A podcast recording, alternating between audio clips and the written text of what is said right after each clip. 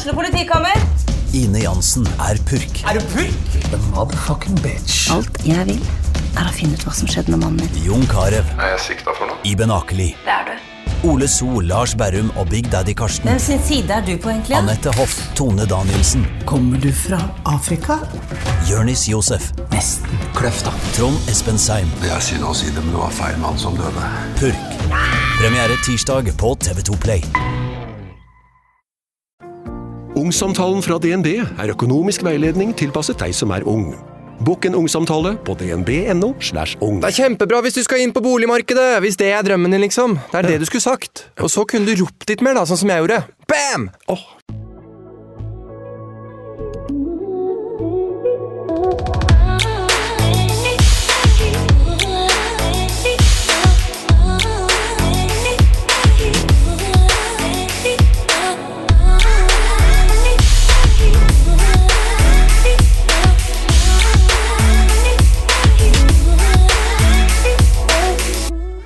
Nå er jeg på vei til studio, og jeg har gleda meg noe helt sjukt til å ta imot dagens gjest. Og dagens gjest det er Agnete Huseby, også kanskje bedre kjent som Agne Tesh for enkelte. Og temaet er reality. Og grunnen til at jeg har gleda meg litt ekstra til å treffe Agnete i dag, det er fordi at hun var med i den første sesongen av 16 ukers helvete, som jeg nå er med på, og er midt under innspilling av. Så jeg lurer på liksom om hun har noen tips og triks på veien, og hvordan hun egentlig synes det var, og hvordan hennes liv ser ut nå kontra da. Ikke minst. Og så, herregud, altså hun har jo blitt egentlig en litt sånn reality-dronning, syns jeg. Hun har vært med på Skal vi danse, 71 grader nord, for ikke snakke om Kompani Lauritzen nå sist. Som hun gjorde det helt sjukt bra i. Og altså, nei, jeg gleder meg noe helt altså, mm, til å treffe Agnete, til å prate med henne, få litt insight, kanskje litt gossip, og høre status. Og så lurer jeg også på dette med barn. For hun har nemlig nylig gått ut og sagt at hun ikke ønsker seg barn. Og nei, vet du hva?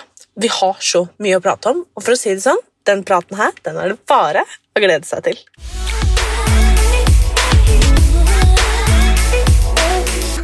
Det er ikke så farlig. Jeg kan bare ikke lede meg. Sitte litt eh, stol? god holdning. Nei, annen. det går bra. Rett opp i ryggen, stramme magen. Rett!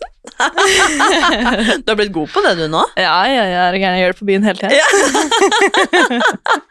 Herregud, velkommen, Agnete. Tusen takk.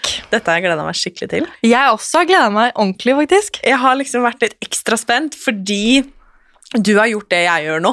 Jeg vet, Det er derfor jeg også er ekstra spent. Fordi jeg var sånn, ok, For meg er det jo ett og et halvt år siden jeg var i det, men jeg vet hvordan det var. Så derfor, jeg er veldig spent på å høre hvordan du har det. egentlig. Altså, og jeg er liksom veldig spent på å høre hva, hva du syntes, hva du liksom føler, hvordan det har gått etterpå. ikke sant? Mm. Og vi snakker om 16 ukers helvete. da. Vi snakker om 16 ukers helvete. Det heter fortsatt det hos dere òg, Ja, men jeg tror at vår sesong skal hete 16 ukers helvete bootcamp. Ikke sant? Eh, for vi har jo mye mer samlinger, og jeg føler jo egentlig, det sa jeg til deg nå før jeg begynte å spille nå, at jeg føler egentlig at konseptet er veldig tatt videre, Mm. og veldig forbedra. Ja. Og veldig Altså om jeg, om jeg så får si det sjøl, så tror jeg at denne sesongen her det kommer til å bli så sjukt bra. Ja, men det, vet du hva? Jeg tror akkurat det samme. Både fordi dere er en veldig gøyal gjeng, det er god stemning, ser det ut som, og, og det er liksom alle mulige karakterer, og at dere har bootcamp er jo genialt. Vi etterlyste jo veldig mye mer sånn samlinger av alle oss som var der, på en måte. Det skjønner jeg, fordi at det er eh, Det er i hvert fall jeg merka at det gjør at motivasjonen er mye bedre. Og jeg føler liksom Deres sesong var litt sånn testkaniner. Ja, men det var det.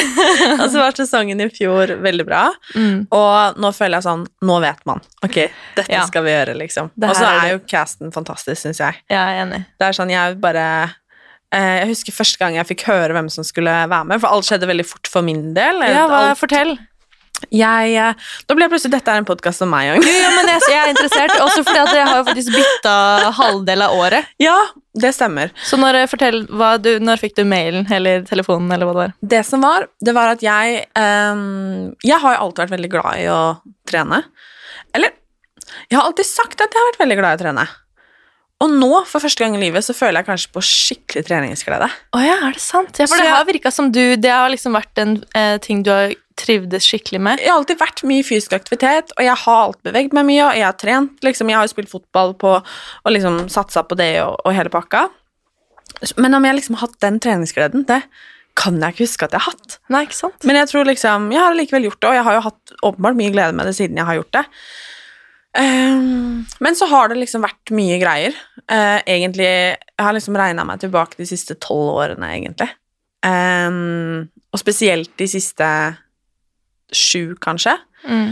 Um, som har gjort at jeg ikke har klart å være så uh, sterk, da. Uh, både fysisk og psykisk, føler jeg, Mm. som jeg har hatt lyst til å være. Og så var jeg ute uh, Du vet når man får det for seg at Åh, nei, nå skal, jeg, nå skal jeg bli god til å løpe igjen, liksom. Skal jeg komme i form. så går man ut på en løpetur.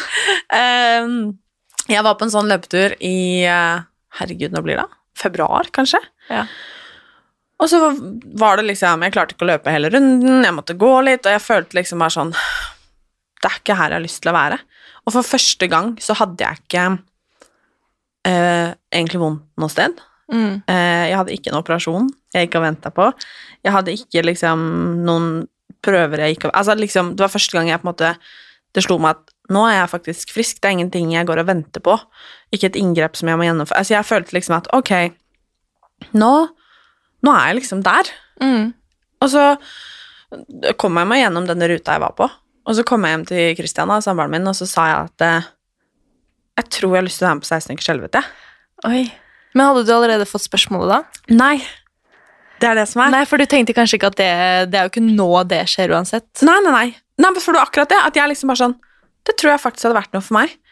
Um, og så skjedde det bare. Og jeg snakka ikke med det engang, men eh, jeg vet egentlig ikke helt hvordan Det har jeg glemt å spørre Silje Mennesken om, men eh, plutselig bare uka etter så inviterte på et møte, og Oi. da hadde, følte jeg på en måte at de bare hadde Selvfølgelig skal du være med, liksom, så det var liksom bare Fra tanken min til å sitte her nå, så var det bare sånn Det, det bare Det var klaff av ti, liksom. Herregud, så deilig, da. Um, og jeg måtte jo gå mange runder med meg selv, men ikke fordi at ikke jeg ville gjøre det, men fordi Hvem er jeg hvis jeg gjør det? Nettopp. Jeg hadde de samme rundene, skjønner du. Og dere fikk jo liksom virkelig høre det. Ja, så jeg, jeg var, Siden det ikke hadde vært i Norge, og alt av sånne programmer som handler om Bortsett fra hvis Else gjør det, da. Eh, som handler om kropp og det å på en måte forbedre seg på en eller annen måte, det blir jo veldig sett Eller det er så lett å si at det ødelegger for andre, da, men eh, det er jo ikke det det er. Nei. Det er de rundene jeg måtte ta med meg selv. bare sånn, ok, Men hva er det, hva er det egentlig gjør hvis jeg gjør det her? Det er jo ikke det at jeg skaper dårlig kroppspress, jeg bare velger å gjøre noe bra for meg selv, egentlig. Noe som jeg har lyst til. Og det er vel det jeg også har landa på, at jeg liksom Jeg gjør dette for meg selv. Mm. Altså 100 Jeg tror jeg aldri har gjort noe så åpenhjertelig bare for meg selv, liksom. Ja. Jeg er bare litt sånn, Akkurat nå er jeg litt sånn herre Fuck alt annet, liksom. Dette her skal jeg Jo, gjøre men for det meg. var, det var litt sånn jeg også følte det. Altså litt sånn der, ok, flytt deg, liksom. Dette her gjør Altså, skjønner du? Ja, ja. Fordi at dette er, det er så viktig for meg, fordi jeg merker hvor bra det er for meg, Mm. og det er jo beinhardt, ikke sant? Selvfølgelig, det å ta tak i seg selv er jo drithardt. Det er det. Men det er liksom Jeg har konkludert med det at dette gjør jeg for meg. Mm. Og om noen syns det er ubehagelig, så er det helt i orden. Men jeg kan ikke ikke gjøre det fordi at noen andre syns at det er dumt, på en måte. Fordi jeg vet hvor bra dette er for meg, og for første gang i livet så setter jeg kanskje meg og mine egne interesser først, da. Ja, ikke sant? Og så føler jeg at dere på en måte gikk jo fra å få den kritikken, Mm. og den var jo ganske beinhard. Det ble jo en Ja, stor ja. debatt. Hvordan føltes Og- det egentlig? Nei, fordi når, når vi starta med det, så var det jo på en måte Disse skal slanke seg på TV, og så tenkte jeg ja, ja, dere får skrive det i avisene, så vet jo vi selv hva Men det skrev de om meg jo. Skal Ja. slankes på TV. Jeg, Ja. bare, det er ingen som har, jeg har Nei, ikke snakka med noen om slanking i det, Det hele sånn, det, tatt. det er akkurat det. Så tenkte jeg ja, ja, det er, det er eh, nyhetene eller avisene som skriver sånn. Det er jo det som klikker sikkert greit. Men så var vi jo gjennom det, og da visste jo jeg selv at jeg gjør noe skikkelig bra, og jeg har skikkelig mestring, og jeg, og jeg får det til, liksom. Og jeg koste meg masse gjennom det, og når det da begynte å komme, da visste jeg at ok, nå kommer alle reaksjonene, fordi det vet vi at kommer, på en måte. Vi var helt forberedt. Men eh, så er det jo litt hardt allikevel, da. Og så tenkte jeg sånn, ok, men bare vent, bare please, eh, vent og se, for det kommer til å komme noe godt ut av det her. Og så kom alle kritikken fra liksom diverse influensere og folk som reagerte før på en måte egentlig episodene var ute. Man visste jo ikke hva det var da. Nei, så tenkte jeg sånn, hvordan kan dere uttale dere så mye når dere ikke egentlig har sett noe av det? Og det, så tenkte jeg, ja ja, men eh, det er jo egentlig bare bra for oss. Må, det, man må nesten tenke sånn at ok, da, det får flere folk til å snakke om det, som gjør at flere folk ser det. Og så var det litt sånn storm de første to ukene. Eller egentlig første uka, bare. Og så rulla det og gikk, og så fikk jeg bare enormt med god respons i min innboks. Og jeg vet at de andre også fikk det. Så når det var ferdig, så var det jo ingen som kritiserte det litt engang. Det kom jo ingen reaksjoner når hele sesongen hadde vært vist. Og det følte jeg i fjor når det kom da, den sesongen som da var enda bedre igjen. Eller konseptet var enda bedre, da. Ja. Um, så følte jeg at uh, da var det liksom ingenting. Nei, det var jo ingen. Men så vet jeg jo at siden vi var på en måte prøvesesongen De hadde jo sendt til Sverige, men det har jo vært redaksjoner i Sverige og på det samme programmet. Og vi fikk bare på en måte overført en svensk variant som ikke var helt bra tilpassa, og de visste ikke helt hvordan de skulle klippe det sammen, og det var litt sånn oppstartsproblemer innad i redaksjonen og sånn. Som eh, Jeg vet jo at den kunne jo blitt bedre den sesongen vi gjorde, for jeg vet hva vi egentlig filma, og hva som kunne vært. Men det ble jo fint. Men eh, vi hadde jo et håp om at det skulle bli enda bedre, bare sånn fordi vi vet hva vi egentlig gjorde, da. Men jeg tror jo nå at de har lært, og så lærte de fra oss veldig mye, tror jeg, og så lærte de enda litt mer fra i fjor eller i år, til nå dere som på en måte får liksom the ultimate season. Men det føler jeg litt selv òg, ja. for å være helt ærlig. Um, og jeg har jo Jeg var veldig redd for det Mm. der med de tilbakemeldingene. Fordi at jeg var redd for at noen skulle liksom ta meg på hjertet mitt, egentlig. Skjønner Ja. du hva jeg mener? Ja, ja. At noen liksom skulle, skulle bli skuffa over meg, eller noe sånt. Mm. Og jeg fikk mye, mye, mye, mye, mye mindre enn jeg hadde forestilt meg. Ikke sant? Men du har fått noe? Jeg har fått noe. Mm. Eh, men det har på en måte gått på liksom mer sånn Hvordan kan du gjøre dette? Ja. Og som jeg tenker, da, som jeg har sagt Jeg fikk blant annet en kommentar på et eller annet jeg la ut fra deg her om dagen. Bare sånn, og den er, var totalt usaklig, fra en anonym bruker som skriver Og du ser at den kontoen er lagd kun for å skrive denne kommentaren. Ja. Eh, hva skal du eh, kommersialisere på, eller et eller annet? Eh, du som har, eneste du liksom har fått oppmerksomhet for, er valkene dine, på en måte. Eh, nå som du er med på det programmet her, liksom. Et eller annet sånt. sånn. Ja. Eh, og det var som jeg svarte da, at eh, nummer én Jeg ser at du har lagd Eller dette er en falsk konto, på en måte, og da tror jeg du skjønner selv hvor dumt det her er. Mm. Og det som jeg har svart alle de andre som også har vært litt sånn Oi, jeg hadde ikke sett den komme fra deg, liksom. Så må vi slutte å tro at det å gjøre det som jeg nå skal gjøre, er et synonym på at liksom Jeg er ikke fornøyd med meg selv, eller For det liksom handler ikke om det. Nei, jeg vet, Fordi er det. jeg er har like mye verdi nå eh, som det jeg hadde for fire uker siden, og som jeg Mm. kommer til å ha om fire-ni uker, eller et år, eller for to år siden. Ja, Altså, jeg bare Og det å være glad i seg selv og oppfordre andre til å være det, og at jeg oppriktig mener at alle fortjener å ha det bra uansett hvordan man ser ut, og hvordan kropp man har, fasong man har, vekt man har, whatever, liksom. Mm. Um, det er heller ikke et synonym, på at man ikke skal ta vare på seg selv. Det er det, og det var det jeg måtte, de rundene jeg gikk, da. For jeg også har på en måte et, hatt et sånn image som at ok, ja, ja, men herregud, du skal få være akkurat som du er, du trenger ikke å se ut sånn som alle andre, man skal ha selvironi, man skal kødde. Men samtidig så var jeg sånn, jeg det, det betyr ikke at jeg må legge vekk det for å bare ta tak i min egen hverdag, at jeg har lyst til å bli sterk og har lyst til å på en måte leve lenger fordi jeg får en bedre helse.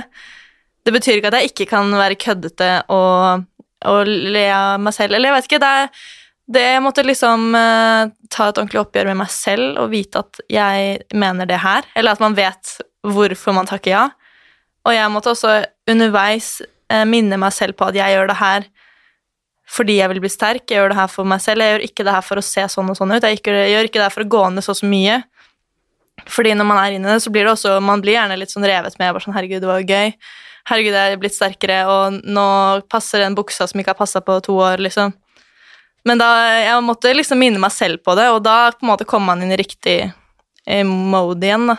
For jeg føler også akkurat det du sier der, at jeg Jeg er kanskje De verdiene jeg har, da, og alltid har hatt, på en måte, de er kanskje bare enda sterkere nå. Ja, Jeg ikke sant? føler liksom Man blir jo litt tryggere i seg selv når man skjønner at jeg kan klare dette her, eller jeg, oi, jeg er blitt sterkere.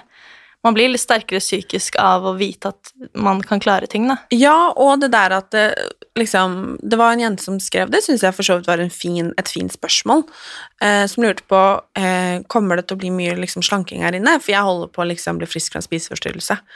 Eh, og det syns jeg var et helt legit fint spørsmål. Eh, og det er bare sånn Nei, nei, nei. Altså, igjen, da, det er ingen som har snakket med meg om slanking. Jeg er fortsatt Martine. Ja, det det. Jeg bare skal ta skikkelig tak i meg selv og min egen fysiske og psykiske helse for meg selv nå. Jeg skal gjøre noe bra for meg selv.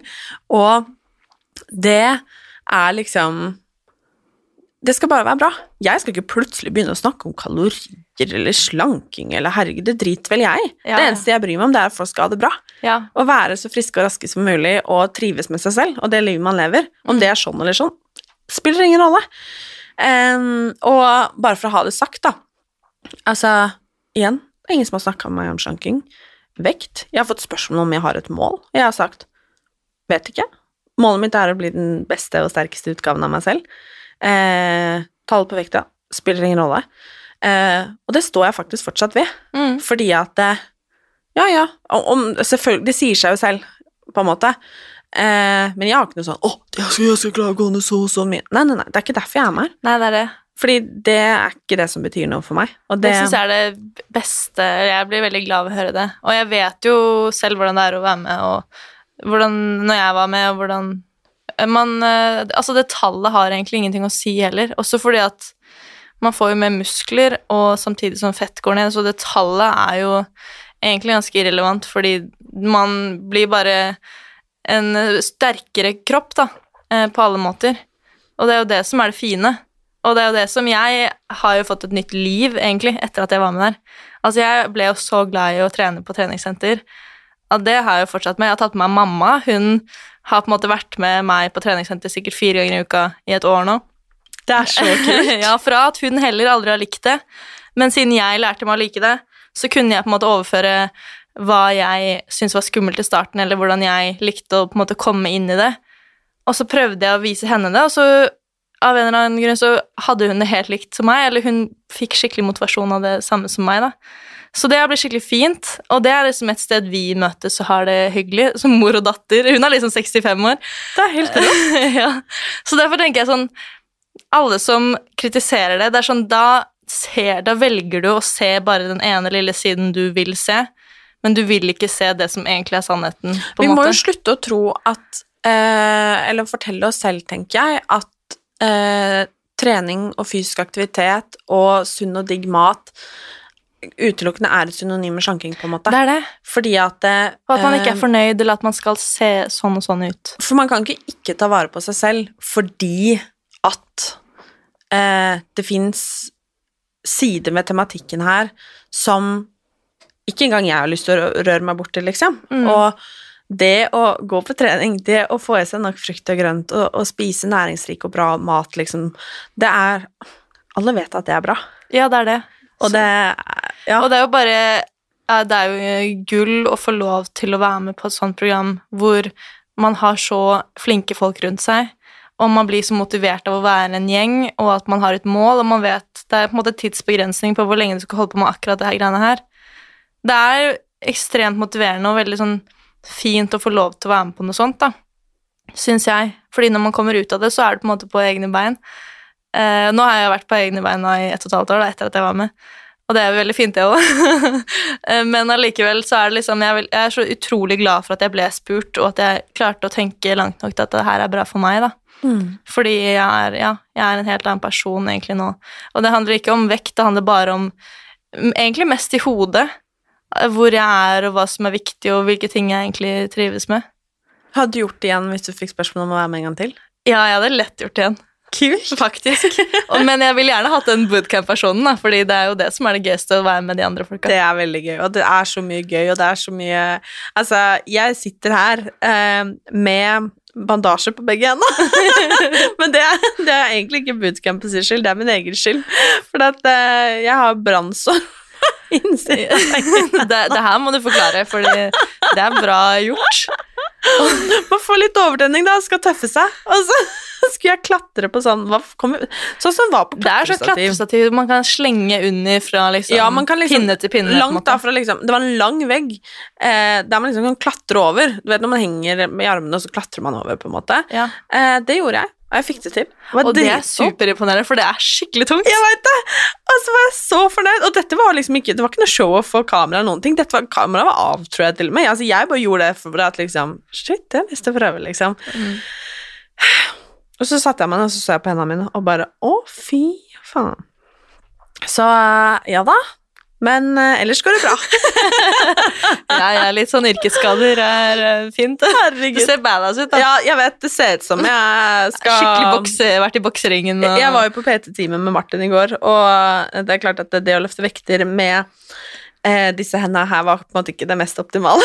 Nei, du, det kan jeg se for Men meg. han, eh, han teipa meg opp som en bokser, og det, mm, det funka, tross alt. Så jeg ser litt ekstra tøff ut i disse dager. Ja, ja, ja, men det passer til mindsettet. det, Ikke sant? Man litt sånn inne, du vet. Men du har jo gjort mye eh, reality nå. Ja, det har jeg. Nesten det meste, føler jeg. Ja, det meste, Jeg har gjort det kuleste, føler jeg. Der sa du det. Du har gjort det kuleste. Ja, og det er du, var- Jeg har fått spørsmål om veldig mye mer òg, men det er bare at jeg har ikke lyst til å være med på alt. Jeg vil bare være med på det jeg syns er kult, egentlig. Og du har vært med, du begynte med Skal vi danse?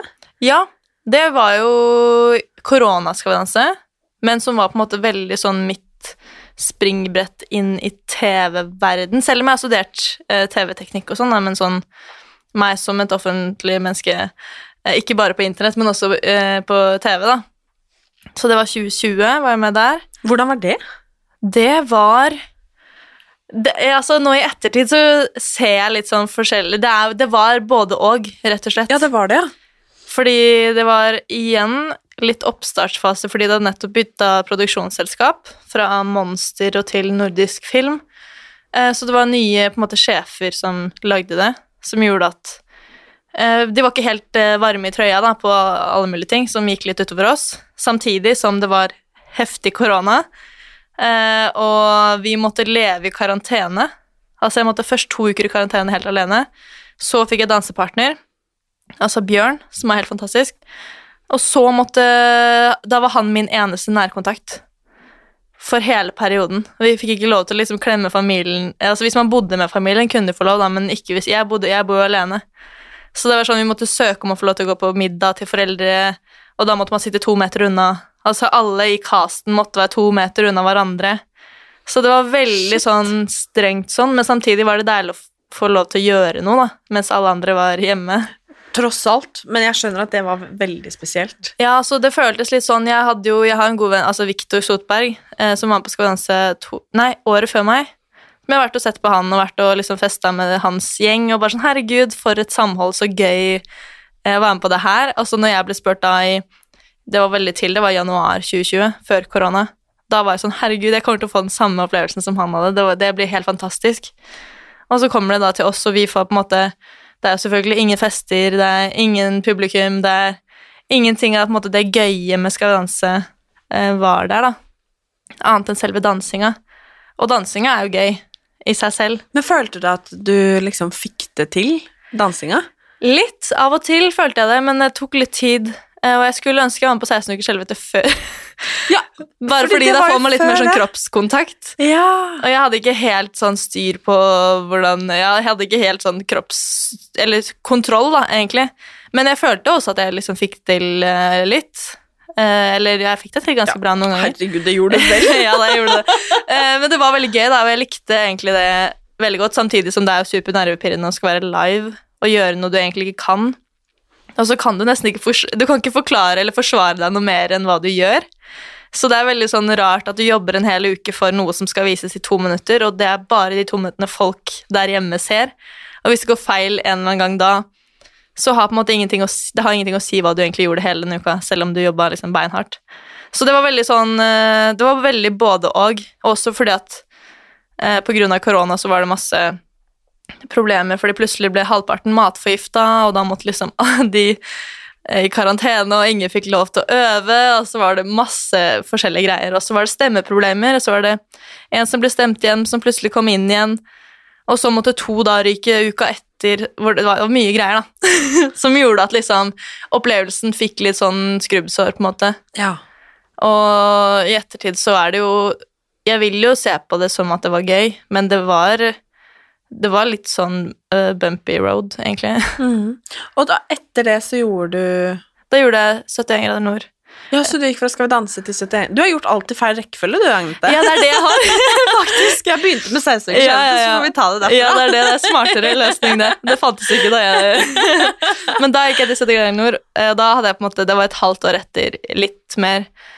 Og det var, det var helt fantastisk. Det elska jeg alt med. Det ser veldig gøy ut. Og det, hvis du får spørsmål, det må du gjøre lett. Å, det var så gøy, og jeg elska alle jeg var der med, og vi, vi var på en måte i en kohort.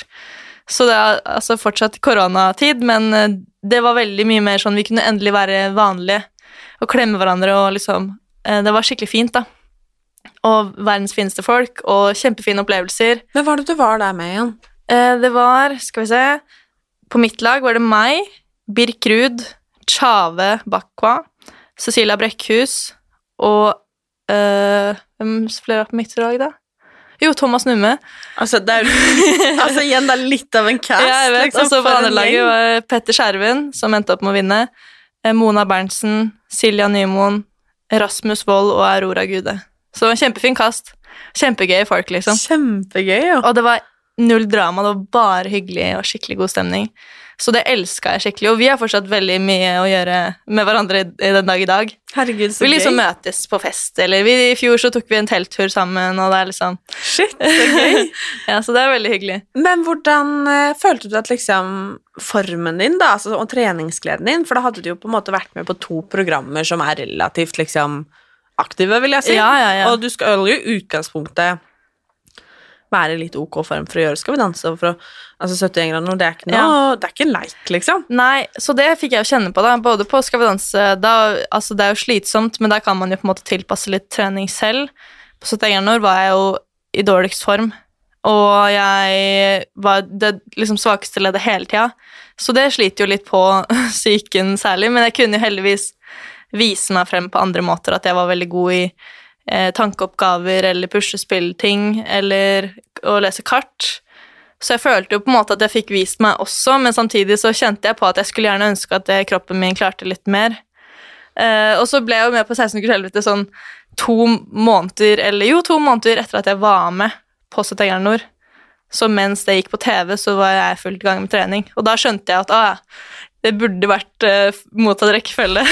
For da hadde jeg kanskje hatt en litt chillere opplevelse på 71, fordi jeg det sleit fælt, for å si det sånn. Men uh, Og da gjorde du da 16 ukers helvete mens det gikk på TV, og da var det Ja. ingen som visste at dere var med der. Jo, det, altså, det ble offentlig at vi skulle det, men det var ingen som visste hva det var, så det var veldig få som på en måte Det ble ikke noe greie, liksom. Nei, eller det var noen uh, som skrev til meg bare sånn Å ja, skal du slanke deg? Altså, det, det trodde jeg ikke om deg, eller jeg fikk litt de kommentarene der, men da var det jo ingen av de som visste egentlig. Da måtte jeg forsvare meg og forklare hva det var jeg egentlig var med på. For det høres jo ganske brutalt ut når ingen vet hva det egentlig handler om. Så er det 16 ukers helvete, disse kjendisene skal slanke seg på TV. Jeg har ikke hatt det så bra på lenge, Nei, men det er jo et helvete. Ja, jeg vet, men da føler du liksom at ok, det er jo servert at folk skal reagere her, på en måte. Absolutt. Særlig fordi ingen visste om det. Så da måtte jeg Eh, i folk jeg kjenner og sånn, da, som bare sånn Hæ, jeg trodde ikke du skulle gjøre noe sånt. Så måtte jeg hele tiden forsvare meg og si nei da, det er ikke det, er ikke det du tror det er. Selv om det handler om det, så er det ikke det forhåpentligvis da de kommer til å vise. Og da gjorde du Kompani etter det? Ja, fordi da var jeg med da på det i fjor høst. Spilte Stayen hos for meg, da. Ja, Kompani Lauritzen? Nei, jo, Nei, jo, jo, det òg. Ja, ja, ja, altså 2020 én på høsten, da var det 16 ukers helvete, som gikk på TV da januar, februar, mars, kanskje, ja. i 2022, og så da på høsten i fjor, altså 2022, eh, egentlig hele september, da var det Kompani Lauritzen. Og da var det var en veldig motivasjon for meg. Det var egentlig nesten veldig flaks at når jeg kom ut fra 16 ukers helvete, så hadde jeg allerede blitt kontakta av Kompani. Så da visste jeg at vi, nå kan jeg holde den her gående Altså treningen. Jeg har noe på en måte som kommer om litt over et halvt år, hvor jeg trenger å fortsatt være sterk. Så det var kjempemotiverende å bare holde på en måte den treningsgleden i gang. da. Så for meg var det en skikkelig gavepakke å få lov til å på en måte ha noe som på en måte motiverte meg til å fortsette litt. da. Selv om jeg gikk inn et helt annet mønster med spising og med eh, hvordan jeg ville liksom gjøre det selv og finne min stil på det, men liksom den treningsgleden, den fortsatte, da, som var veldig, veldig bra. Herre, det er jo superbra. Ja, ja. Men altså, hvordan var Kompani Lauritzen? Altså det, jeg følte jo også at jeg kommer til å være så godt forberedt, for nå har jeg vært på både 71 grader nord, som er litt sånn samme følelse, kanskje, og 16 ukers helvete, så jeg burde jo på en måte klare det her bra.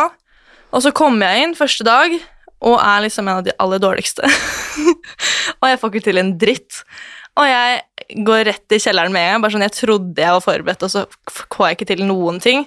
Så det var ganske brutalt sånn eh, for psyken først og fremst. Men også liksom, ja, jeg tenkte bare sånn Ok, hva, hva gjør jeg her egentlig? Følte jeg, da. Og så heldigvis så er det jo ikke bare den første dagen man får, man får jo litt flere før, før noen, noe skal avgjøres. Det er ikke rett hjem, liksom? Nei, det er heldigvis ikke. Så da fikk jeg jo masse øvelser etter det som jeg skikkelig mestra, da. Så da fikk jeg flippa om både tankesettet og liksom alt til at jeg faktisk klarte det ganske bra, da. Men var det mest gøy eller mest tøft? Uh, begge deler. For jeg har hørt at det er tøft. Det er, det er beinhardt. Det er mye tøffere enn man tror, faktisk. Eller man kan jo se det på TV, men det er tøffere. Fordi nå har jeg vært med på mye forskjellig, og kjendisreality er jo på en måte kjent for å være litt chillere enn vanlig reality. Men det gjelder ikke kompani, for å si det sånn. Der får du ingen goder i det hele tatt. For hvordan er det, det vet man jo når man er med i en TV-innspilling, så er det jo liksom Kameraene er på, på en måte, og da er det jo show, liksom. Mm, og så er de av, eh, og, så er de av, og da er det liksom Man sitter på telefonen og venter mellom slaga, på en måte. Ja. Og nå må ikke, sånn som med 16 ukers helvete, så er det sånn når det er på trening, så er det på trening. Det er ikke sånn Ja, ja. at det, vi tar en intervall, og så venter vi ti minutter før vi tar neste, liksom. Nei, nei. nei, nei. Men mellom slaga, da. Ja, det er det. liksom. Og på 71 også så hadde vi noen dager hvor vi Eller liksom en dag her og der hvor det bare var synker, eller hvor man liksom alle må snakke i kamera med forskjellige ting, og det er kanskje noe prøving av utstyr, og så er det egentlig ikke filming, eller man har ikke en etappe akkurat den dagen, da, så er det litt sånn slappe av-dager, eller noen kvelder hvor man bare sitter rundt bålet med produksjonen og koser seg. Eh, Så jeg tenkte sånn, ja, ja, herregud, det er sikkert litt sånn. Og nei da, det er det ikke. For der er det på en måte i militærregimet, og de viker ikke fra det i det hele tatt. I, ikke det hele tatt. Vi har ikke mobilen tilgjengelig. Den får vi etter Har du det på 71?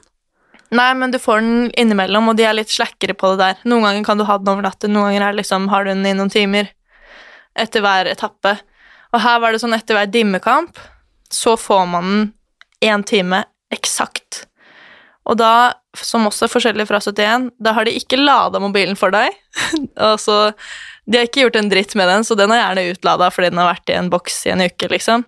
Med mindre du Jeg lærte bare å skru den av. Det var den eneste riktige. Og så er det nesten ikke dekning, så du må først plugge den inn i, i veggen, og så prøve å finne dekning, og så ringe til mamma eller den du skal ringe, og så har du Altså, den skal være nedpakka i den boksen eksakt en time etter. Så det er liksom Det er ikke sjans med noe som helst av slack der, og hvis du er i synk, altså snakker inne på et rom til kamera, mens de andre får mobilen, så er man jo livredd for at man skal liksom miste den sjansen, da, men heldigvis så får du en time fra du er ferdig da. Men det var liksom, uansett om ikke kameraene er der, så er befalet der, du må gjøre pushups, du må eh, Vi hadde masse, masse ting som vi gjorde uten kamera, på en måte, som var sånn ordentlig militære greier. Så for oss føltes det bare skikkelig ut som vi var i førstegangstjenesten, og vi ble jo, man blir jo gæren av det. Og det er, jo, det er jo det man også ser, at vi er jo og går jo all in, på en måte. Og det, alt føles så ekte, fordi det er ganske ekte når du er der. Det er ikke sånn der ok, nå leker vi, og nå er vi tilbake i verden. Det der er verdenen din, liksom. Men hvordan var samholdet i den gruppa, da? Jeg tenker sånn kontra hva det var på 71, for eksempel. Det er en ganske forskjellig gjeng eh, fra 71, eh, med mange forskjellige personligheter, men samtidig også der så blir man jo på en måte kanskje enda mer kjent uh, bakover. At man kjenner først hverandre i, på sitt nedrigste, når du trenger mest. For det var det jeg skulle til å si, at på 71 grader nord så får man jo liksom oppleve å ha det hyggelig også, Ja, ikke sant? det er det. Jeg tror det, vi gjerne skulle hatt det litt, enda litt hyggeligere sammen på, på kompani. Men uh, man blir liksom veldig godt kjent med hverandres styrker og svakheter, og man skal hele tiden passe på hverandre. Og så etter hvert så skjønner vi sånn, ok, men nå er vi bestevenner, men jeg vet jo egentlig ikke Har du søsken, da? Eller hvor er det du egentlig bor, og hvordan går det? Hvor? Er det ikke rart? Jo, det er kjemperart. Så må man på en måte gå liksom motsatt vei. eh, Fra man liksom man kjenner de innerste, dypeste hemmelighetene til personen, og så til forresten eh, Hvordan lever du til vanlig, liksom. Så det er ganske gøy. Så jeg vet jo på en måte ikke hvordan vår gjeng blir i ettertid, for nå er vi på en måte så ferske ut av det. Jeg tror ikke det kommer til å bli sånn som på 71, for den her føler jeg er ganske unik. At vi alle har like mye lyst til å henge sammen og invitere hverandre på ting og sånn. Eh, Men jeg har jo fått kjempemasse gode venner inne på kompaniet også, så jeg føler at man blir jo på en måte allikevel en familie, da, selv om det er ikke alle i familien man ser like mye, på en måte. Mhm, jeg skjønner. Men du gjorde det dritbra. Ja, det, jeg gjorde det. Det ble ganske bra. Hæ? Altså, hadde du trodd det? Altså, jeg hadde Det er det som er så rart, for når du går inn, så har man liksom en tanke, og jeg hadde Ikke at jeg hadde troa på det, men jeg hadde liksom et håp om å få den bæretten. Og så kom jeg inn der, og så får jeg en reality check, og da trodde jeg absolutt ikke det. Som første uka gjennom hele rekrutten, egentlig, så tenkte jeg det er nesten Det skal godt gjøres å komme langt her, fordi det er både kjempesterke, flinke folk, og det er så beinhardt, og du vet ikke hvordan man klarer Altså, det er så vanskelig å vite hva man er god på og ikke god på før man har gjort det, ikke sant? Så jeg hadde egentlig Jeg hadde troa før jeg gikk inn, så hadde jeg ikke troa før vi kom kanskje sånn halvveis, og da tenkte jeg sånn Oi, vent da, det er kanskje Jeg kom meg over det verste kneika, og så nå skal jeg prøve så godt jeg kan, og så hadde jeg et håp, men samtidig så er det liksom Det er vanskelig å ha troa så veldig når det går så sykt opp og ned, da. Det skjønner jeg. Men jeg er jo utrolig glad for det, da, og veldig stolt og veldig fornøyd. Det har du all grunn til. Herregud, jeg er stolt av deg, jeg òg. Det var Ja, helt rått. Jeg føler i hvert fall det som har vært veldig bra for meg da. Nå var jeg også eneste jente i finalen, som var ganske kult. Det er dritkult. Ja, det er veldig gøy, så jeg er veldig stolt av. Også det jeg føler jeg kan representere va vanlig mann i gata, eller dama i gata, som er at ja, du er ikke best på alt. Noen ganger er du dårligst, noen ganger er du best. Eh, Jeg var skikkelig dårlig i starten, men så kom jeg meg opp og, og kom meg videre. Og jeg føler det er sånn Det er jo gøyest, egentlig Jeg heier vanligvis på de som er litt sånn underdogs, og de som på en måte ikke klarer det kjempebra alt hele tiden, for det kan ikke jeg relatere til. Fordi jeg kan ikke klare alt veldig bra hele tiden. Så jeg tenkte sånn, jeg er i hvert fall et represent, representant repres, Ja, jeg klarer ikke å si det. Representativ. Jeg er representativ for vanlige folk som er gode på ting, og så er de dårlige på ting, og så er det litt sånn Det går opp og ned, da. Men så går det bra hvis man bare holder ut. Eh, Kontra Eller jeg lik, elsker jo alle de jeg var i finalen med, men de er jo beinharde gutter som får til alt også, så jeg følte liksom at det er litt kult at jeg som egentlig ikke får til alt, fortsatt er her på lik linje med de, da. Dritkult, syns jeg. ja. Og så er det liksom Jeg tenker at det er litt forskjellige veier til mål, kanskje. Ja. Og det viste du kanskje der, da. Og at man trenger faktisk ikke alltid å, være best eller sterkest eller råest, liksom. Det, noen ganger så er det litt det der å bare gjøre sitt beste, og ja. Og ikke gi seg, liksom. Nettopp. Og det føler jeg at man eh, Det er litt også sånn jeg kan ta med meg fra 16 ukers helvete, at man der må man være ganske seig og bare holde ut. Og noen ganger så føles det dritt, og det er litt dårlige dager noen ganger, men så lenge man klarer seg gjennom de dagene, så kan man tenke tilbake på sånn Herregud, men den dagen der klarte jeg fortsatt å komme meg på trening, og det gikk bra. Eh, så man føler at ok, da kan jeg klare det her. Eller fordi man hele tiden kan liksom jorde seg selv med et eller annet man har allerede klart, da. Jeg har lært én ting nå, Ja? Og det er Det høres kanskje litt sånn brutalt ut, men hvor, jeg har liksom tenkt på hvor mange ganger jeg har hatt unnskyldninger for å ikke komme meg på trening. Ja, ja. Og det å ikke være i form og skulle trene, det er beinhardt. Det å Mm. komme seg dørstokkmila og begynne, sette i gang, det er eh, Da må man egentlig bare lukke øynene og løpe i blinde, på en måte, for Ja, å komme seg gjennom det, holde pusten. ja. For det er dritt, liksom. Det er det. Men nå har jeg lært, og igjen da, jeg har vært i mye fysisk aktivitet i løpet av livet, liksom, men jeg har aldri liksom skjønt dette før nå, at nummer én, jeg er i stand til veldig mye mer enn jeg tror. Det er det, Og nummer to, når man kommer seg på trening, så går det stort sett veldig bra. Det er det. Og det er det jeg føler at det er tyngre den tiden før man kommer seg dit, eller den tanken på å være der, enn å faktisk være der. Mm. Jeg er helt enig, og litt den der at det bare Altså, jeg har jo vondt overalt nå, på en måte. Ja, ja jeg kjenner til altså, det. sånn er det jo. Det er sånn stiv, det er stør, det er Men så er det litt deilig vondt òg. Ja, ja, ja. Ja. Og det er liksom det er, det, er, det er som det er, liksom. Men likevel så er det liksom Jeg vet at det går an å komme seg på trening i morgen, og kanskje man ikke klarer å gjøre Være liksom en råtass i morgen, Nei, liksom. det er. Eller altså Det trenger man ikke være hele tida Nei, men det kan man ikke være hver dag. Nei, men nei, man får jo til noe. Det er det. Så jeg har liksom lært denne at det er egentlig ingen unnskyldninger. Nei, Altså, altså, sånn- Så lenge man bare er der og gjør noe, så er det bedre enn å ikke gjøre noe. på en måte. Eller det er sånn så lenge du har gått ti minutter på mølla, eller at du har løfta litt lette vekter, så er det bedre enn at du ikke løfta noen vekter. Det er som jeg pleier å si, alt er bedre enn ingenting. Ja, men det er det. Alt er bedre enn ingenting. Det er altså et tips jeg gir til mange folk som vil komme i gang. Det er sånn, Den ene gangen du gjør det, du trenger ikke å starte med å starte liksom fire ganger i uka, eller bare tenk 'jeg skal gjøre det i dag', eller 'jeg skal gjøre det i morgen', og så er Tar Ta vi det derfra? Ja. Man må liksom ikke forvente all, så mye av seg selv hele tiden. Og så må man, tror jeg Man må jo ikke, men ting blir jo gøyere hvis man har litt lyst til det. Ja. Men det må komme fra et sted. Ja. Man kan ikke bare Ikke bli tvunget dit, liksom. Motivasjonen kan ikke være til at 'å, fy faen, jeg må, må jeg begynne å trene', fordi at det, Altså, det må liksom Det må være litt glede. Eh, da blir det i hvert fall litt gøyere på veien. Mm. Men apropos på gøy, holdt jeg på å si. Hva er det kuleste du har vært med på av disse programmene? Uh, jeg eh, Alle har jo sin sjarm, men det er jo Jeg kan nesten ikke si noe annet enn at Kompani Lauritzen var det aller kuleste.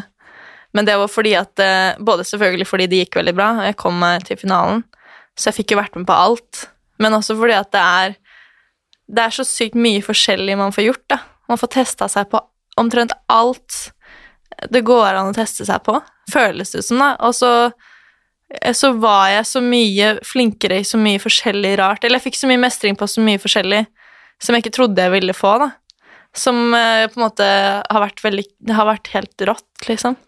Og det har vært liksom skikkelig gøy å, å bare kunne være meg og allikevel gjøre det bra, da. Og ikke måtte på en måte late som jeg er noe bedre enn det jeg er. Jeg er bare så god jeg er, men det var bra nok, på en måte. Ja, det er dritkult. Ja, så det, er, det har vært det aller kuleste. Men jeg, har jo, jeg er jo kjempeglad for de andre òg. Men der følte jeg at her får jeg vist så mange sider av meg selv. Både til meg selv, jeg der ble jo overraska og fikk jo litt eh, angstanfall inni der, og mange ting som på en måte jeg ikke selv trodde jeg hadde i meg også. Eh, Men samtidig så blir man jo ekstra godt kjent med seg selv, da. På, på både godt og vondt. Det er dritkult. Ja, Og så har jeg en bror som jobber i militæret, så det var litt sånn gøy å på en måte få litt feelingen av hvordan hans liv har vært der. Det er jo kjempegøy. Ja, ja. Hva syns han om det du gjorde, da? Han er kjempestolt, og det er veldig kult, fordi jeg vet jo at da han var i rekrutten, eller på liksom Han har gått Sjøkrigsskolen og sånn, så de har gjort mye forskjellig. Så han har også sagt sånn 'Herregud, vi gjorde akkurat det greiene der', eller 'Å, jeg husker når jeg var inne i det'. Og så vet han også at det er mye tyngre, eller dagen er lengre enn det man ser på TV, eller liksom De følelsene som kommer Jeg trenger ikke å forsvare det til han, fordi han har kjent på de samme følelsene selv. Fordi han har vært gjennom det, på en måte. Eh, Så det har vært skikkelig kult, og at han har liksom blitt imponert og solgt, det er liksom Det har vært en god del, da, føler jeg. Herregud, så fint, da. Ja. Men eh, altså, hva skal, hva skal du finne på nå?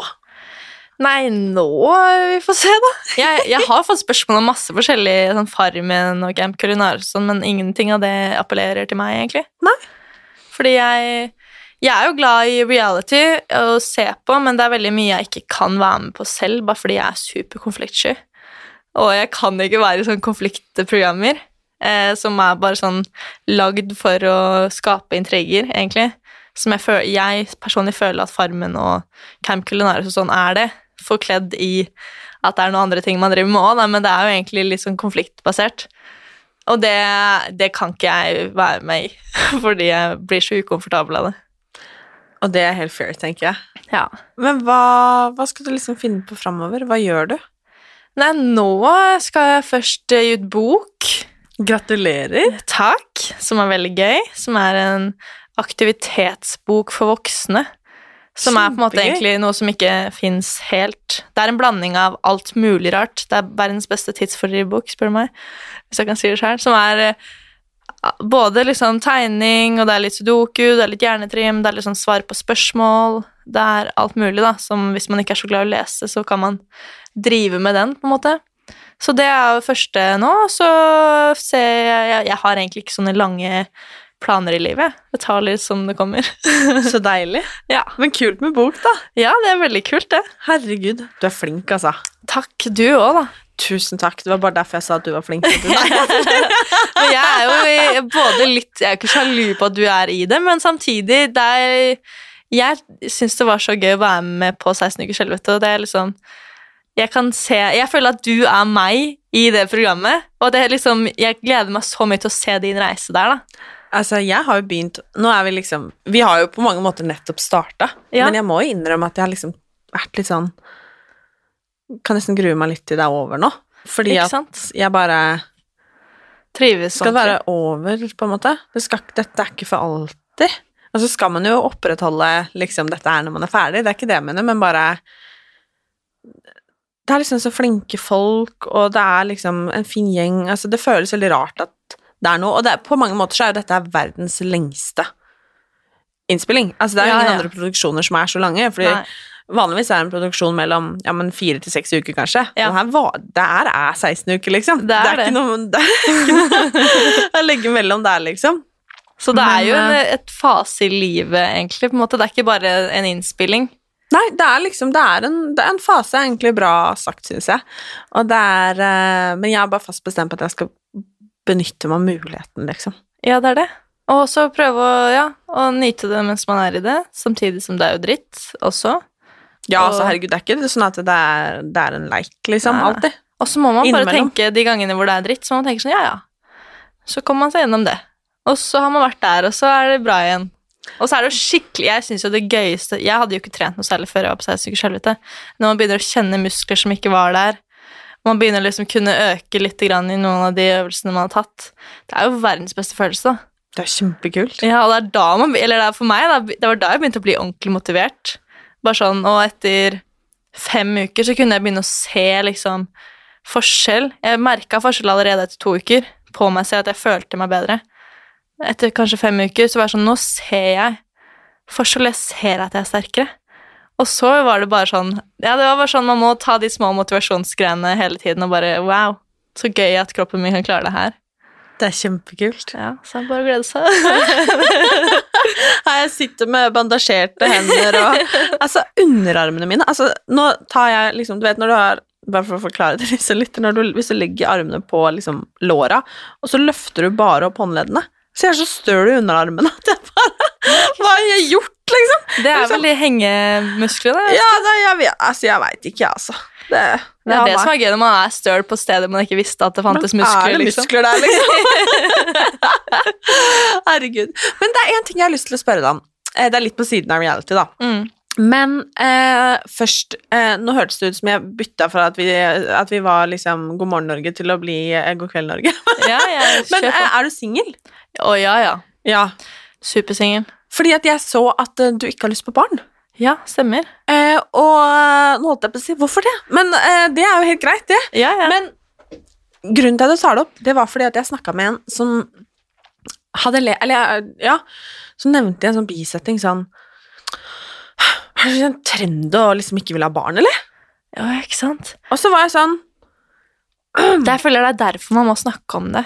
Nettopp. For da tenkte jeg bare sånn eh, Nå er jeg på en måte ikke barn eh, Barn en, en trend, på en måte. Nei, det er det. Det er ikke sånn at du bare får et barn, liksom. Det er Nei, nei. sånn Det er jo et livsvalg, på en måte. Det er litt mer enn det. Det er som sagt, det er et livsvalg, det er ikke en trend. Nei, og det er det jeg har, jeg har skjønt Fordi jeg har egentlig jeg har alltid tenkt det for meg selv, men så er det på en måte vel, Det er egentlig ganske tabu å snakke om, særlig når man er en ung kvinne som sikkert Jeg har ikke sjekka det, men jeg tipper at jeg kan få barn hvis jeg vil. Ung Eh, og singel, og jeg, jeg kan bare se for meg at folk er bare sånn ja, ja, Bare vent vent til du treffer Ja. den rette. Ja, og det er sånn, ja, du kan godt si det, men det handler ikke om en pers- at jeg ikke har en person å få barn med. For meg, for, eh, for meg handler det om at jeg egentlig helt fra jeg var liten, har aldri hatt det derre morsinstinktet. Eller jeg har det for hunden min, altså det telles kanskje ikke helt, men jeg har aldri Hun likt barn, hun barn, ja. ja. Jeg har aldri likt å leke med babyer som at 'Å, lille babyen min', eller det har aldri på en måte ligget meg nær. Jeg liker heller å leke med hunder. eller jeg syns ikke barn det er, nå, er det, nå skyter jeg Det er lov å si glasshus, holdt jeg på å si, men det er, eh, jeg syns ikke barn er spesielt søte. Jeg synes De er helt, eh, de ser helt like ut alle sammen. De, ser, de er helt uh, greie. Jeg syns de er mest irriterende. Uh, og det synes jeg, jeg har egentlig ikke hatt forhold til så veldig mange barn opp igjennom heller, men eh, jeg har hele tiden tenkt sånn, ja, ja, kanskje jeg endrer mening på det, så jeg skal ikke si noe. Og det mener jeg fortsatt. Det, det, plutselig så endrer jeg mening, men jeg syns det fortsatt er viktig å kunne si bare sånn, vet du hva, jeg har, kommet, jeg har ikke lyst på det. Jeg personlig har ikke egentlig lyst på barn. Jeg syns at livet mitt kan få mening Eller det har masse mening fra før av. Eh, mitt drømmeliv er ikke eh, hjemme med barn og, eh, og hun, Eller hun er det, da, men eh, med liksom bil og barn og det vanlige livet, da. Det er ikke så appellerende for meg i seg selv. Jeg vil gjerne ha en kjæreste som vil ha det gøy. Dra på eventyr, oppleve, ver oppleve verden, eh, gjøre gøye ting. Eh, på en måte være sånn eventyrlysten på alle mulige måter. Men jeg føler ikke at barn er en del av det for meg, da. Og jeg, jeg syns det bare er fint at noen snakker om det. Det er derfor jeg begynte i det siste å si det offentlig, fordi jeg tenker at Eller jeg har fått masse respons på at 'Å, takk for at du sa det', fordi i familien min så tør ikke jeg å si det, for da blir jeg bare møtt med disse kommentarene, eller Men jeg tenker jo litt sånn, da. Jeg har jo lyst på barn, men Mm. jeg tenker liksom sånn Hvorfor skal vi prakke et barn på deg hvis ikke du har lyst på det? På ja, det er det. Det syns jeg er litt rart. Og så er det sånn, det er jo Verden er jo overbefolka fra før av, på en måte. Og så jeg vet at Erna sier at man skal få barn sånn at norske folk overlever, men hvis man ser på klimarapporten til FN også Du Nå er bruker jeg den, ja. Du, du drar den. Veldig så er vi jo fucked om 40 år uansett. Så jeg tenker jo også at eh, verden det her, jeg, jeg er kjempe Jeg er ikke noe sånn eh, tungsinna på grunn av det her, men det er jo på en måte også fakta at verden kommer ikke til å bli så bra som den vi har nå. Og nå er det krig i verden. Og det kommer ikke til å bli bedre, tror jeg, da. At man må Eller jeg tenker i hvert fall at jeg skal nyte det livet som er nå. Jeg vil jo gjerne gjøre verden bedre også, eh, men jeg også er litt realistisk på at jeg tror sånn verden som en enhet ikke kommer til å bli bedre. Vi kommer ikke til å klare å fikse de klimaproblemene. Det kommer ikke til å bli mindre krig eller mindre uenigheter. Eh, og derfor tenker jeg sånn Er det så viktig for meg da, som i seg selv egentlig ikke har lyst på barn, å få inn et barn til den verden som kommer til å ikke se ut som det her, da? For meg er ikke det så viktig da, og da vil jeg heller kunne leve selv og heller bidra eh, til verden på andre måter, da. Med å spre god energi eller eh, vet ikke, enn det å få et barn til verden, da. Det er ikke, ja. Så jeg, jeg har reflektert mye over det i det siste, at eh, man må jo selv eh, finne ut av hva som er viktig for seg selv. Og så er det jo ikke sånn at alle trenger å ha det samme livet, fordi alle er jo forskjellige mennesker. Så det er rart om alle skal på en måte ende opp til slutt med det samme livet. på en måte. Det hadde vært litt kjedelig. Det hadde det. Jeg tenker jo i hvert fall, som jeg sa, at uh, det der er uh, helt fint, det. Ja, og så syns jeg det. Jeg, kan, jeg har nettopp blitt tante for første gang, som er veldig hyggelig. Uh, og jeg tenker at jeg kan være hun kule tanta som kan på en måte være litt avlastning av Men det til. tror jeg at du er. Det tror jeg også. Ja. Som bare sånn Hallo, bli med på eh, Tusenfryd, eller la oss dra til Legoland. Og kan gjøre de kultingene. Så jeg har liksom Jeg er ikke noe redd for å ende opp alene eller å bli ensom, eller jeg er på en måte ikke så redd for de tingene der heller. Så jeg føler at jeg heller kan på en måte bidra på, på andre måter, da, og være meg selv ellers. Og det er du, og det er jeg veldig glad for. Ja, neida. Så jeg, jeg, jeg er trygg i, måte, i det, og trygg i meg selv og trygg i hva jeg egentlig ønsker med livet. Og så får vi bare se om jeg får med meg en fyr på det, da, etter hvert.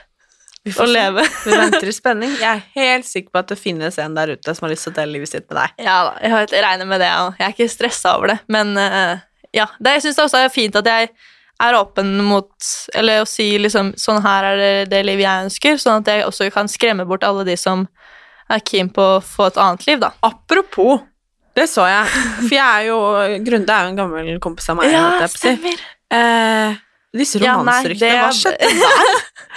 Det er jo Ja, uh, altså Grunde Grundebassen. Nei, altså, jeg har jo kødda med han mye på YouTube fra liksom 2017, eller når han var med på Paradise. Paradise. Bare fordi han var en gøyal karakter der. Dette er jeg som meldte han på Paradise. Var det det? Ja. Serr? Hvordan kjenner dere hverandre, egentlig? Eh, oi, nå spurte du godt. Vi ble kjent Herregud. Er dere fra samme sted, eller? Nei. Nei. Altså, vi går liksom way back. Ja. Godt spørsmål. Jeg husker faktisk ikke. Nei. Jeg lurer på Han husker sikkert det. Jeg veit ja, ikke. jeg skal høre med han. Ja, ja. Men, Men jo, eh, jeg kødda mye med han på YouTube. Eller jeg la ut masse greier, for jeg rata Paradise-deltakere. Det var en liksom, serie jeg hadde hvert år på YouTube. Hvor han fikk liksom skikkelig bra score bare fordi han var skikkelig morsom der inne. Og det var han. Han var skikkelig gøy. Og så likte folk det veldig godt, og så eh, begynte jeg å si sånn ah, 'Jeg er så forelska i Grundas. Og da elska folk den tanken om at jeg liksom var det. Så bare spilte jeg mer og mer på det. Og jeg føler at de som så, eller ikke, kanskje halvparten av folk da, skjønte at det var kødd.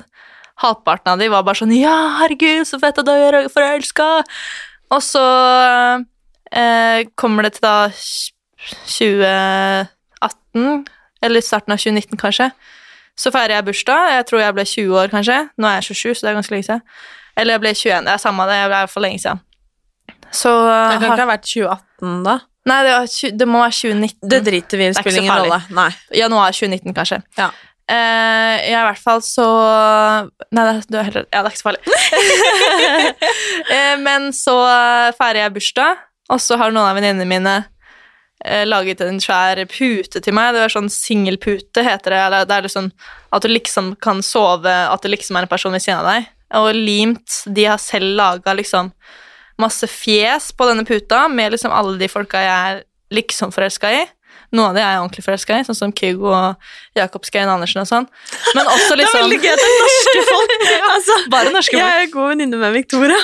ikke sant? Ja, jeg er ikke det nå lenger. Altså, det er veldig gøy. Så det er jeg også ferdig for lengst. Vi skal sende henne en snap når vi er ferdige her og fortelle at du har hatt en pute med på. Ja, ja, ja. Og der var også liksom Grunde og liksom Cezinando og Jakob og Jonas Oftebro. Det var liksom- liksom ikke Zac Efron Nei, og liksom nei, nei. Nei, Bare, ja, for jeg spilte veldig mye på at jeg var forelska i alle, egentlig, på YouTube. Det er veldig gøy. Og så i tillegg til den bursdagen, så har jeg da først fått en puta. Og så går det kanskje et kvarter, og så kommer Grunde inn døra, og da har ikke jeg møtt han. Jeg har bare kødda med henne et helt år og sagt at jeg har vært forelska i henne. Og sånn, og så har jeg, jeg har lagt det fram veldig køddete, så jeg regner jo med at folk har skjønt det. Og jeg ble litt sånn stressa når han kom inn døra. Jeg bare sånn, å herregud, håper du vet at jeg kødder, at jeg ikke mener Eller jeg ble dritredd for at han skulle tro at jeg var liksom en crazy stalker forelska i han. Men det var veldig gøy at han faktisk dukka opp. da. Og så fortalte jeg til han, jeg bare sånn, ja, du skjønner at jeg liksom jeg kødder, og det har det vært du, Det er god stemning, liksom. Han bare, ja, ja, herregud, jeg skjønner det, lol. Og så var det god stemning, og så lagde vi noen videoer sammen, som ble kjempebra. Og så eh, var vi egentlig bare vanlige venner, men vi hang ikke så veldig mye sammen. Og så kom vi da nå på Kompani, som var veldig hyggelig, og da var liksom det hyggelig å ha en man kjente fra før av. Og så kommer det da ut at jeg har liksom vært forelska i han tidligere, så kommer vi til media, og da Selvfølgelig, i overskriftene dem så fjerner de jo det faktum at det er kødd. At jeg var forelska. Så de er bare sånn Var forelska i Grunde for flere år siden! Og da Selvfølgelig blir det vel rykter av det, fordi folk leser jo bare overskrifter. Eh, Så det har jeg måttet avkrefte ganske mange ganger, da. Men ja, så det er ingenting der. Vi passer ikke sammen som kjærester. Det kunne jeg, det kunne jeg analysert for deg Ja. hvis du var usikker. Ja, for du kjenner jo Grunde òg. Mm. Og vi er forskjellige folk. Det er dere. Men han er en veldig fin fyr. Men uh, han er ikke på en måte sånn fyr som jeg skal bli sammen med. Nei. måte. Det tenker jeg for så vidt eh, at det ikke er Nei, stakkars, kanskje Grunde er kjempeforelska i deg nå, så sitter vi og Ja, sier men jeg har sagt det til han at vi skal ikke være sammen, vi. Nei. Vi skal være venner. Synd, Grunde. Ja, sorry. Du er friendzona tom ja, i rommet. det er det. men det er, det er greit. Det må være lov. Det er greit. så nei da. Så der er det ingenting. Nei. For å si sånn. Singel og fri og frank og klar for sommeren. Yes, akkurat. Herregud. Men altså, det her var sjukt hyggelig. Ja, det var dødshyggelig. Jeg er så glad for at du hadde lyst til å komme. Ja, det var dødshyggelig å få være her. Og så får vi se hvordan de neste ukene går for meg. Ja, herregud, masse lykke til. Jeg gleder meg så mye til å følge med. Eh, det blir veldig bra. Kanskje jeg må spørre om tips på, på veien når knekken kommer. Når knekken kommer, så er det bare å ringe meg og si 'nå trenger jeg litt motivasjon'. Kanskje vi får ta en treningsøkt sammen. Det hadde ja, vært gøy. vet du hva, det blir jeg med på. Det Ja, er kjempegøy. Det hadde vært kult. Ja, ja. Herregud. Herregud. It's a date. It's a date. Herregud. Nei, men tusen takk, Agnete. Ja, bare hyggelig. Takk til, takk til du som lytter også, var det jeg skulle si. Ja. Ha en fin dag, og kickass. Kickass.